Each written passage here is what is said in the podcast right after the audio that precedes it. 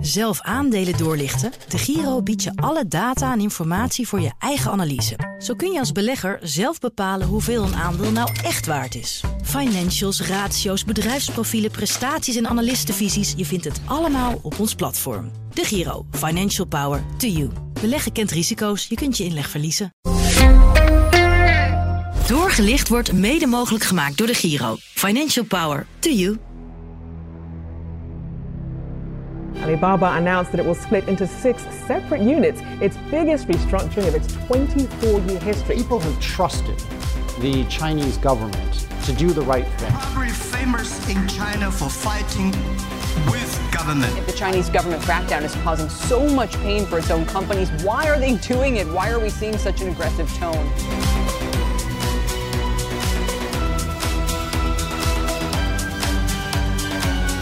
Een USB-stick voor twee kwartjes of een complete smartphone voor een paar tientjes, dat kan allemaal bij dit Chinese bedrijf, Alibaba. In deze aflevering van Doorgelicht richten wij de schijnwerper op de Chinese e-commerce gigant, zodat jij als belegger kan bepalen wat een Alibaba-aandeel nou echt waard is. We vertellen je het verhaal achter het bedrijf, we geven je natuurlijk ook een fundamentele analyse. Mijn naam is Nina van den Dungen. Naast mij, zoals altijd, analist en vermogensbeheerder Jim Theopoering van E-vermogensbeheer. Hallo. Hallo Nina. Koop jij wel eens eh, Chinese troep? Of mag je dat niet meer zeggen dat het troep is eigenlijk? Nou, Het heeft een beetje dat imago omdat het zo goedkoop is. ja, dat klopt inderdaad. En nou, ik denk dat we er allemaal wel eens ervaring mee hebben gehad dat je iets heel leuks krijgt. En dat het binnen een dag gewoon eh, einde oefening is. Maar Ja. ja, ik heb kleine kinderen. Dus eh, ook in ons huis is wel eens wat eh, van AliExpress, zoals het dan hier mooi heet. Hè? Ja, dus jij bestelt er wel eens wat. Nou, ik niet zozeer. Mijn vrouw natuurlijk. Nou, natuurlijk geef je vrouw Ja, maar weer ja. de schuld. Oké. Hey, en heb jij eh, in Alibaba belegd? Nou, je zegt goed, heb in Alibaba belegd. We hebben lang een positie gehad in Softbank, Japanse investeringsmaatschappij. Mhm. En die had een groot belang van meer dan 25% in Alibaba. Hebben ze grotendeels afscheid van genomen. En het aardige is, het belang hebben ze al heel vroeg genomen. Dus daar hebben ze mega winsten op gemaakt. Dus die hebben dat goed gezien. En eh, ja, initieel eh, ging de koers daar ook goed op. Ja, maar je zegt je hebt dus belegd. Dus jij hebt ook die aandelen Softbank, heb jij niet meer? Ehm, nee, niet meer. Nee. Nee, hebben we lang gehad. Ze hadden ook een belang in ARM. Een andere eh, succesvolle Ja, IPO die die, eh, recentelijk is geweest, 2023. Ja. Dus ehm, ja, in die zin, Softbank heeft heel veel deelnemingen. En hebben er ook wel een neusje voor. Maar Ja. dit zijn wel de succesverhalen van dat bedrijf. ja, maar zij zijn er dus uitgestapt uit Alibaba. Nog Zeg- niet geheel, maar grotendeel. Maar, maar, maar zegt dat iets over hoe interessant of niet interessant dat aandeel nog is? Nou, kijk, ja, eh, eh, er zijn heel veel punten die het interessant maken. Onder andere de waardering, daar komen we straks ook eh, op. Maar de echte groei is er misschien wel wat uit. En het is een Chinees bedrijf. En dat heeft toch ook wel wat een koersdrukkend effect. Ja, nou daar gaan we het over hebben. We geven natuurlijk nog even onze disclaimers. Wij geven absoluut geen beleggingsadvies, maar wel informatie hè? en feitelijke informatie over je favoriete aandelen en bedrijven, zodat je zelf een beleggingskeuze kan maken. En natuurlijk in het verleden behaalde resultaten bieden geen garantie voor de toekomst. Dus denk goed na hè, of je ergens instapt. Absoluut. Want beleggen brengt nou eenmaal risico's met zich mee. Zelf je huiswerk doen. Precies. Nina, we hebben het vandaag over Alibaba. Hm? Wat denk je waarom Alibaba zo heet? Waar denk je aan Eh, Alibaba? Nou, eh, Alibaba en de 40 rovers, dat je op rooftocht gaat. Nou, nou ja, ja, ja, ja, ja. Nou ja, voor een Nou, prikkie kan je behoorlijk wat krijgen daar. Dat is, eh, ik weet niet of de oprichter eh, Jack Ma het zodanig bedoeld had, maar hij wilde vooral een internationaal bekende naam die iedereen ook zou onthouden. En dat refereert dus inderdaad aan Alibaba en die 40 rovers Ja, uit de sprookjes van Duizend en één nacht. Dus ja, helemaal goed. nou mooi. En er is dus ook een nummertje over geschreven. Ja, dat schijnt. Maar dat wist ik ook niet. Maar eh, ja, in dit geval degene die ons heeft geholpen met de voorbereiding van het programma, Niels. Niels. Precies, die weet een hoop van muziek. En schijnbaar ook eh de Marlets, die kent hij. Dat is een band uit Limburg. Nooit van gehoord, maar die hebben een nummer dat heet Alibaba. Nou, dat gaan we even laten horen. Nou, Beetje Aziatisch. het zit wel in, lekker in het thema. Ja, heerlijk. Mijn god. Hoe kan Niels dit soort obscure dingen dan weer vinden, vraag ik me af. Ik had Niels heel hoog zitten, maar Hij daalt in je achting. Nee, Niels, dat is niet waar. Ik laat mijn 40 rovers eerlijk met me delen. nou, snel naar het aandeel. Goed, we gaan eh, naar het verhaal van Alibaba. Dat begint in eh, China in 1988, het jaar waarin Jack Ma zijn studie Engels afrondt aan de Universiteit van Hangzhou. En hij gaat op zoek naar een baan. Maar dat lukt niet. 31 sollicitaties verder is er nog altijd uh, geen uh, werkgever die hem wil hebben. Na een hele tijd kan hij dan toch aan de slag als docent Engels. En tegelijkertijd heeft hij ook al bedacht: ik ga gewoon een eigen bedrijf oprichten. Dat is nog niet Alibaba. Maar hou je vast, de Hangzhou Haibo Translation Agency. Oftewel een Chinese vertaalservice. Want ja, je kan Engels of je kan het niet natuurlijk. Dat is de eerste stap richting zijn enorme e-commerce imperium. Een jaar later reist Jack Ma naar de Verenigde Staten voor zaken. Daar komt hij voor het eerst in aanraking met het opkomende internet. En dan gaat hij een beetje, ik weet niet of het toen al Google was, maar hij gaat een beetje zoeken op het internet. En zijn eerste zoekterm is bier. Beers from Germany, beers from USA, beers from uh, uh, Japan, but there's no beer from China. Nou, en dat stoort hem enorm. Hij bouwt daarom toch, als hij eenmaal thuis is, zijn eigen site met volop informatie over Chinees bier. En slechts enkele uren nadat zijn eigen website over Chinees bier live gaat, komen er al e-mailtjes binnen van Chinese investeerders. Die eigenlijk denken, nou, die, jongen die kan wel wat. En wij zien hier wel eh, veel potentie voor meer Chinese websites. Ma, die ziet ook potentie van het internet. In 1999 zit hij met 18 eh, vrienden in zijn appartement. En dan bedenkt hij Alibaba. Het is een uh, online business-to-business marktplaats. Via de site kunnen bedrijven elkaar makkelijker vinden om sneller zaken te doen. Voor een klein tarief natuurlijk. En de vrienden van Jack Ma die zijn wel enthousiast. Die zeggen nou, wij willen hier wel in investeren. En zo is Alibaba geboren. De site die groeit heel snel. Slechts drie jaar na oprichting zijn er al 3 miljoen gebruikers. Er wordt er ook winst gemaakt. Jack Ma die is blij met het succes, maar hij wil ook het wereldwijde e-commerce systeem verbeteren. Hij richt daarom allerlei dochterondernemingen op, zoals Taobao Marketplace. Dat is een binnenlandse uh, business-to-consumer site, een beetje zoals uh, Amazon ook is. En hij start ook met Alipay, een online betaalservice. Dan kun je een beetje denken aan een uh, kopietje van PayPal. Duurt niet lang voordat buitenlandse investeerders bij Jack Ma aankloppen. In 2005 is dat bijvoorbeeld Yahoo, de Amerikaanse webdienstprovider. Die trekt even flink de portemonnee, hè? Nou, dat kan je wel zeggen. Enorm. Een miljard. Ja, 1 miljard dollar wordt er in Alibaba gestoken. Dat is goed voor 40% van de onderneming. In de jaren die volgen groeit Alibaba uit tot een enorme speler. Er worden ook meer platformen geopend, meer dochterbedrijven opgericht. En in 2009 begint het bedrijf met de ontwikkeling van cloud computing. En dan ook zelfs al artificial intelligence, AI. Een jaar later in 2010 richt Alibaba de site op waarmee het bedrijf ook in Nederland heel veel naamsbekendheid krijgt. En dat is natuurlijk AliExpress. Die kennen we allemaal. Via AliExpress kunnen Chinese verkopers hun goederen wereldwijd aan consumenten slijten. Alibaba is intussen een miljardenbedrijf. Daar hoort ook in 2014 een beursgang bij. En dat is best een bijzondere, toch? Nou, dat kun je wel zeggen, al is het alleen maar vanwege de omvang. Want Alibaba gaat, en hou je vast, uh, 22 miljard dollar ophalen. Dat is nog steeds een van de allergrootste beursgangen ooit. De één na grootste. Dat was in 2014. Um, en een aandeel dat kostte toen 68 dollar. Nou, mm dat was ook op dag 1 al een succes. Want aan het einde van de dag stonden die aandelen op 93 dollar. Dus toen was dat bedrijf, Alibaba, meteen 200 miljard waard. Zo.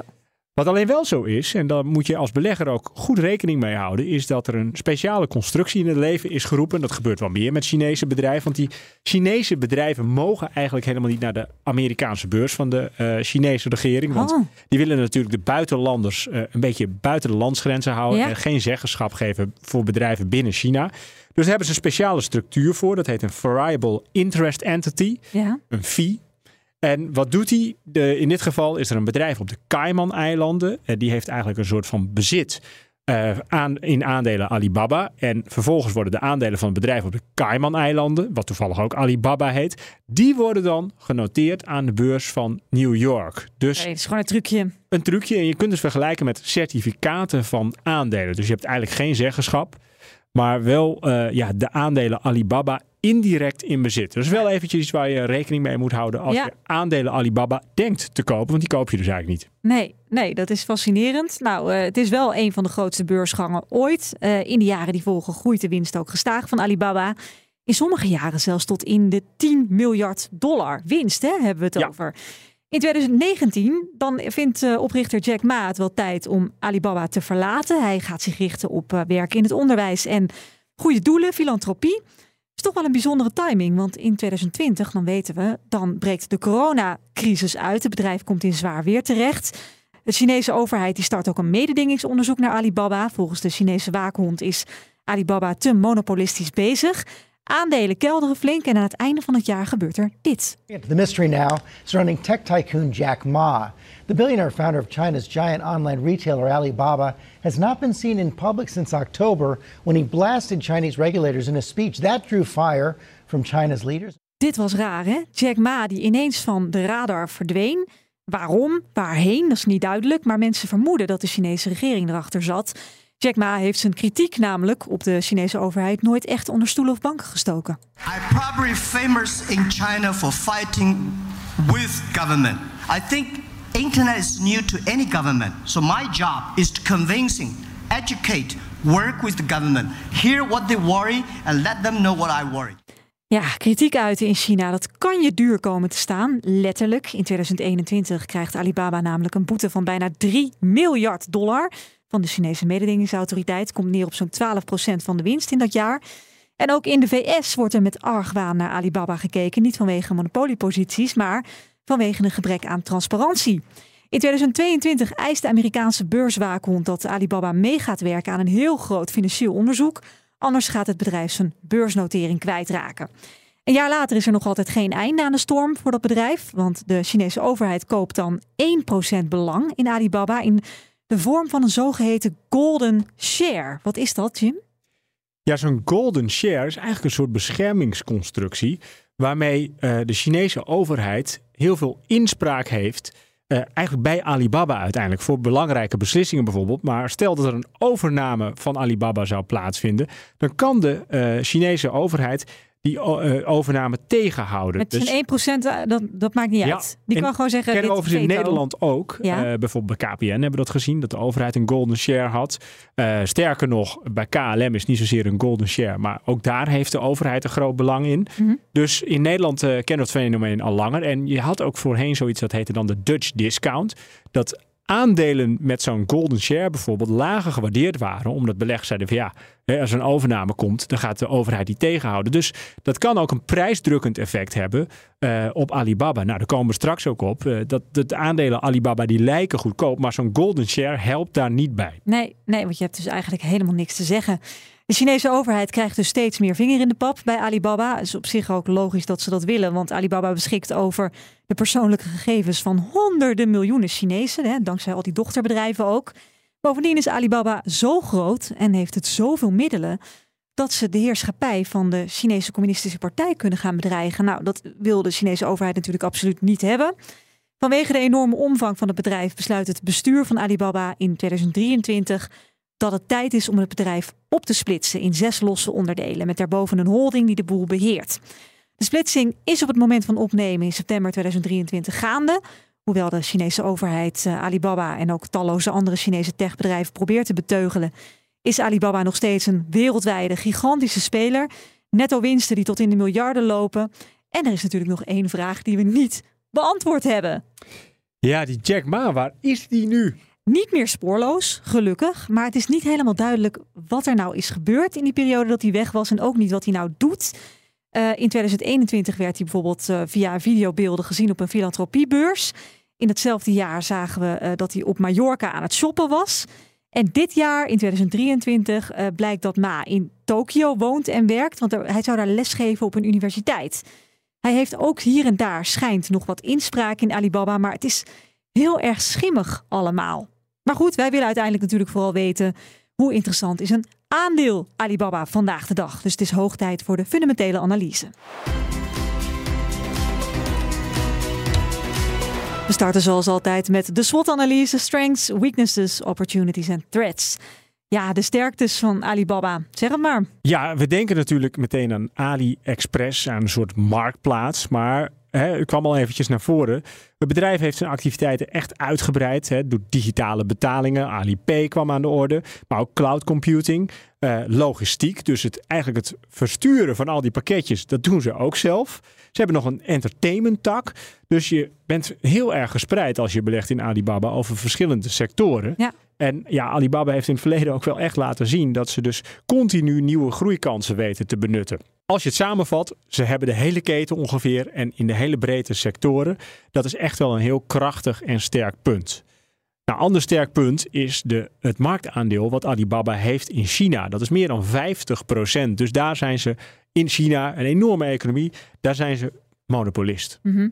Dus een krachtig punt van Alibaba, eh, hè, brede dienstverlening en ook de Chinese markt die ze volledig in handen hebben. En is het niet ook de prijzen, dus dat ze dingen aanbieden, ook notabene hier, eh, dat het zo belachelijk goedkoop is dat wij maar besluiten, nou, dan doet hij er maar 13 dagen over. Wij zijn bereid om daar te bestellen. Ja, daarmee hebben ze wel, eigenlijk zijn het vooral hun producten die ze eh, van anderen aanbieden op, ja, onder andere dus in dit geval AliExpress, waar, die wij dan vervolgens kunnen kopen. Ja. Waardoor ze inderdaad ja, scherp geprijsde producten die wij anders nooit zouden kunnen kopen tegen die prijs, die wel aanbieden. Eén ding moet je natuurlijk wel altijd afvragen, want hè, we hebben het niet direct over ESG, maar ja, goedkoop, dat komt ergens vandaan. Ja, kinderhandjes. Ehm, ja, bijvoorbeeld. Dus dat zie je ook wel terug als je gaat kijken naar ESG-scores en de workforce, hoe daarmee omgaan wordt, de inmenging van de Chinese overheid. Daar scoort Alibaba echt niet goed. Nee. Ehm, dus dat is een eh, eh, zwak punt ook meteen. Nou, dat is een mooi bruggetje. Ja. Wat nog meer? Maar er zijn er helaas wel eh, meer. Het bedrijf dat opereert natuurlijk in een sterk gereguleerde omgeving, China. Eh, en dat kan echt leiden tot juridische uitdagingen, vooral ook beperkingen. We hadden het al even over die golden share. Maar Mhm. denk ook eens even aan de constructie waarmee het bedrijf dus gelist is aan de Amerikaanse beurs. Ja, via die Cayman-eilanden. Ja, en eh, de Amerikaanse overheid, eh, toezichthouder, zegt al van ja, jullie moeten meer cijfers presenteren, meer openheid van zaken geven. Maar ja, eigenlijk hebben ze niet een echte stok om mee te slaan, want vooralsnog vallen ze puur onder de Chinese regu- regulering. Ja, je kan ze beboeten, toch? Ja, je kan ze beboeten, je kan een noteringsgraf, Ja. maar ja, wie heb je daar uiteindelijk mee?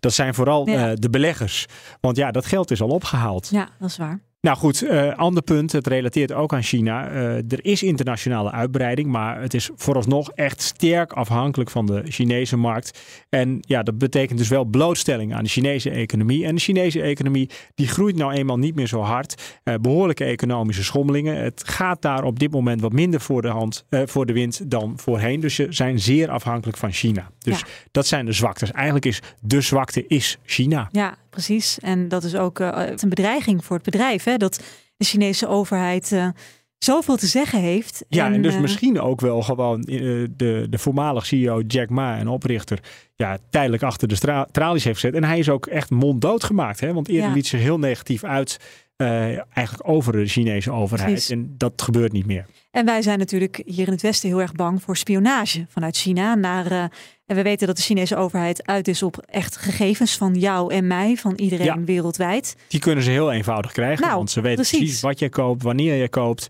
hoeveel je koopt, eh, waar je interesses liggen. Ja, Nou ja, dat, dat klinkt heel negatief. Maar Mhm. er zijn gelukkig ook veel kansen voor Alibaba. oké. En ja, waar uiten zich die vooral in? Is in het veroveren van meerdere landen. En dus eigenlijk die, dat landenrisico, in dit geval China, eh, beperken.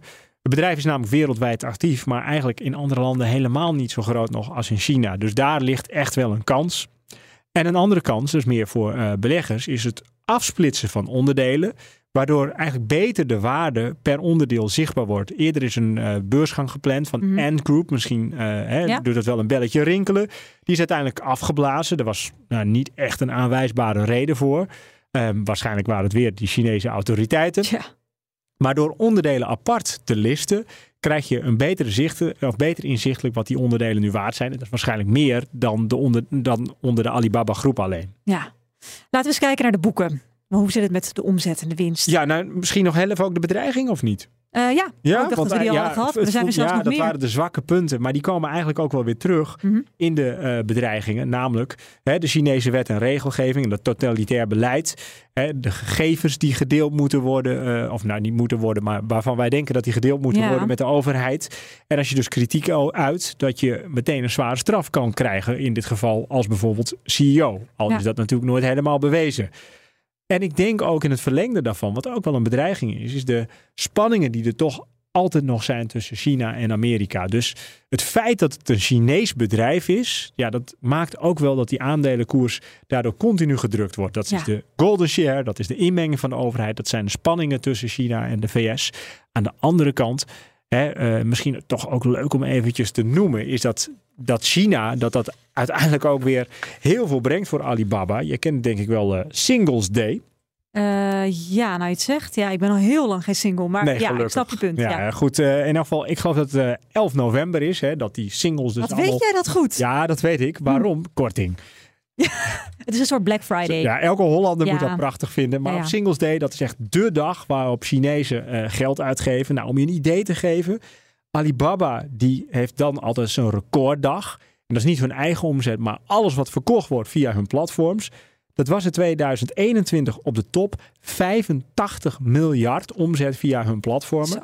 Ja. Op Singles Day. Dus Ja. 85 miljard. Hè? Dan, dat is bizar als je Ja, bedenkt dat hun marktwaarde ongeveer 200 miljard is. Ja. Dat ze bijna de helft van hun marktwaarde in één dag via hun platform laten verlopen. ja, dat kan dus. Nou, dat is een mooie gelegenheid om even de boeken te openen. Juist. Nou, die omzet- en eh, winstontwikkeling die is echt eh, behoorlijk sterk. Ehm, ja, dat wordt dus wel gemeten in yuan. Nou, zo'n yuan moet je ongeveer delen door 7 om terug te gaan naar de, naar de dollar. En nou ja, grofweg ook eh, de euro. Ja, dus 1, eh 1 dollar is 7 yuan. Eh, ja, klopt inderdaad. Nou, als je dan gaat kijken in 2022, toen werd er eh, 111 miljard omgezet. Eh 2023, en dan zie je toch wel een beetje ook die verzwakking van e-commerce, wordt verwacht dat het ongeveer op hetzelfde niveau is. Nou, onder de streep blijft er echt een mooie marge over, want eh, de winst van Alibaba in 2022 eh, was zo'n 62 miljard yuan. En ehm, ja, dat, dat kwam onder andere ook door een eh, eh, boete. In 2021 was dat nog veel beter, want toen hadden we het over 150 miljard yuan. Dus Ja. zeg maar eventjes eh 22 miljard dollar ongeveer. Dus onder de streep blijft er echt een eh, mooi resultaat over. Maar gaat dat ook naar de aandeelhouders? Nou, dat is dus een dingetje waardoor het aandeel misschien ook wel een impuls zou kunnen krijgen als ze wel dividend gaan uitbetalen. Want Alibaba betaalt geen dividend uit. Aan de andere kant is het weer wel zo dat Alibaba is volledig schuldenvrij. En wat Alibaba wel doet, is het terugkopen van aandelen. Nou, Ja. ze hebben een terugkoopprogramma. Dat hebben ze een aantal keren opgeschroefd. Ze hebben het ook wel eens een keer weer eh, gestopt. Maar tot 2025, dan wordt er voor 40 miljard dollar Mhm. aan aandelen teruggekocht. Nou, de huidige market cap ligt iets boven de eh 200 miljard eh, eh, dollar. Mhm. Dus ze gaan 20% van alle uitstaande aandelen terugkopen. Wat Zo. uiteindelijk betekent dat de winst over minder aandelen hoeft te worden verdeeld. Ja. En dat is dus Ja, echt ja. waardevermeerderend eh, voor, eh, voor de aandeelhouder. Ja, maar wat doet nu een, een aandeel eh, Alibaba? Als we, het is nu eh, september 2023. Ja, op dit moment eh, is de koers die ligt zo rond de 85 dollar. Ja. Dus, eh, en dan kom je ook wel op een eh, nou ja, wat, pijnlijke punt voor beleggers. Want in het verleden heeft die koers op een gegeven moment, en dat was natuurlijk ten tijde van eh, corona, dat iedereen maar aan het bestellen was. Mhm. Toen heeft die koers zo'n 300 dollar gedaan. Dus Ja, het is wel, Ehm, heeft wel een flinke tik gekregen daarna. ja, ja. En ja, dat is helaas hoe het is. Maar daardoor kom je ook wel op een punt dat je kan zeggen: Goh, Alibaba is best wel. Nou, misschien wel aantrekkelijk eh, geprijsd. Je zou kunnen zeggen, het is een groeibedrijf. En als belegger wil je eigenlijk op zoek naar ja, hè, growth at reasonable price.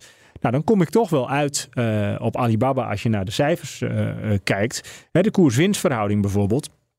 Nou, die ligt, heeft heel hoog gelegen. Die ligt nu net iets onder de 20. Mhm. Eh, vergelijk je dat met een Amazon, nou dan, dat is een concurrent natuurlijk, een grote concurrent Ja. ook van, eh, van Alibaba. Ja, dan betaal je 60 keer de winst. Ehm, eBay of eh, hè, daar betaal je ook een veelvoud. Andere belangrijke concurrent in China is, dan moet ik het goed uitspreken, Pinduoduo. Ook genoteerd aan de Amerikaanse beurs en is ongeveer de helft zo groot, 128 miljard market cap. Ehm, die is ook ietsje duurder. Dus een, echt een e-commerce platform. Dus eigenlijk, eh, ten opzichte van zijn concurrenten, is Alibaba niet al te duur. Sterker nog, analisten denken dat het aandeel wel zou kunnen verdubbelen in prijs. Gemiddeld koersdoel, dat ligt op 150 dollar. Nou, je Ja. vroeg net al, waar staan we nu? 85. Dus Alibaba is op basis van een vergelijking met concurrenten, of als- wanneer je kijkt naar eh, koersdoelen, is het aandeel aantrekkelijk geprijsd. Maar dat heeft ook een reden. Dat heeft te maken met al die onzekerheid die met name voortkomt uit het feit dat ze een Chinees bedrijf zijn. Ja. Golden Share, de wijze van notering aan de eh, eh, Amerikaanse beurs. Eh, de topman, of de voormalige topman die in tijd van de radar verdwenen was. De enorme boete die ze hebben gehad. We hebben het nog niet eens over gehad, maar mededingingsautoriteiten hebben Alibaba op een gegeven moment een mega boete gegeven, waardoor eigenlijk de hele uh, jaarwinst weer Ja. verdwenen was. Hebben we genoemd, zeker. Oh, pardon. Eh, ja, we hebben zoveel besproken, maar het is wel goed om die nog een keertje te benoemen. Ja. Dus er zijn heel veel factoren. En die hangen allemaal eigenlijk aan, eh, ja, eh, wijzen allemaal richting Chinese autoriteiten. Die ook maken dat de beleg- belegger wat minder zekerheden heeft. Ja. Nou ja, toch is het wel zo, als je ook kijkt het signaal wat eh, het bedrijf afgeeft met het terugkoopprogramma van 40 miljard dollar. Dat ze zelf ook zeggen van ja, ons aandeel staat te laag. Het is te goedkoop. En wij vinden het een mooi moment om aandelen terug te kopen, beleggers te belonen en vinden dat de koers hoger zou moeten staan. Dus dat is niet zozeer wat ik vind. Maar als je kijkt naar omgevingsfactoren eh, en vergelijkingen doet met concurrenten of eh analistenadviezen bekijkt, dan is er wel veel dat erop wijst dat het eh, best wel aantrekkelijk kan zijn. Ja. Je hebt het al best wel mooi verteld, maar we gaan toch eens even kijken of we nog tot een conclusie kunnen komen. Ja, ik hoor je zeggen goed geprijsd, eh groeibedrijf, maar toch ook wel dat risico van het feit dat het een Chinees bedrijf is, dat maakt het heel onzeker. Wat moeten we nou met dit aandeel? Nou, kijk, ik denk als je exposure wil hebben naar China en om die economie kun je niet heen en gelooft in de groei van e-commerce en ook nog eens kijkt naar de aantrekkelijke, of naar, niet, naar de dus ogenschijnlijk aantrekkelijke waardering van Alibaba, dat dit voor de belegger die een beetje risico durft te nemen en dus op zoek is naar groei, echt een aandeel is om eens even goed te bekijken. Ja, want iedereen zegt altijd, alle kenners, eh, eh, spreid je portefeuille, zorg dat je een goed gespreide portefeuille hebt. Dan zou je bijna zeggen, ja, je kan ook niet om China heen. Nee, dat klopt. Moet je dat nou echt helemaal links laten liggen? Eh, nee, zeker niet. Het enige is natuurlijk wel dat het heel lastig is, omdat de informatie die voorhanden is van die bedrijven eh, ja, een, stu- een stuk minder is. en Schimmiger, ook wel wordt gezegd, hoe betrouwbaar is het? Ja, En in dit geval eh, hebben we het dan wel over ja, eigenlijk het grootste Chinese e-commerce bedrijf. En ja, daarmee heb je in één keer eigenlijk wel exposure naar China. Interessant dus. Dit was eh, Alibaba doorgelicht. In de volgende aflevering gaan wij terug naar Nederland. Maar dan wel naar een enorme speler op de wereldmarkt. Maar goed, het is een Nederlands bedrijf. Wat gaan we doen? We gaan kijken naar ING. Ah, de Oranje Leeuw. Die eh, voortkwam uit, wat was het? Postbank. hè? De pennyrekening, jij en ik. Dat is Ja, onze zeker. generatie, de Ja, pennyrekening. Ja, de spaarpot met de rollende guldens. Ik ga serieus kijken of ik die nog heb. Nou, ik zal je sterker vertellen. Wat denk jij waar je die gewoon nog kunt kopen? Marktplaats. AliExpress. Niet waar. Hou op, echt waar? Echt waar. Oké, nou ik ga in elk geval graven op de vliering of te kijken of ik hem eh, kan vinden. Want dan neem ik hem mee voor de aflevering Leuk. van eh, ING. Dit was eh, Doorgelicht. Abonneer je in je favoriete podcast app als je de fundamentele analyse van veel meer bedrijven wilt horen. Mijn naam is Nina van den Dungen. En ik ben Jim Theopoering. Doei. Doorgelicht wordt mede mogelijk gemaakt door de Giro. Financial Power to you.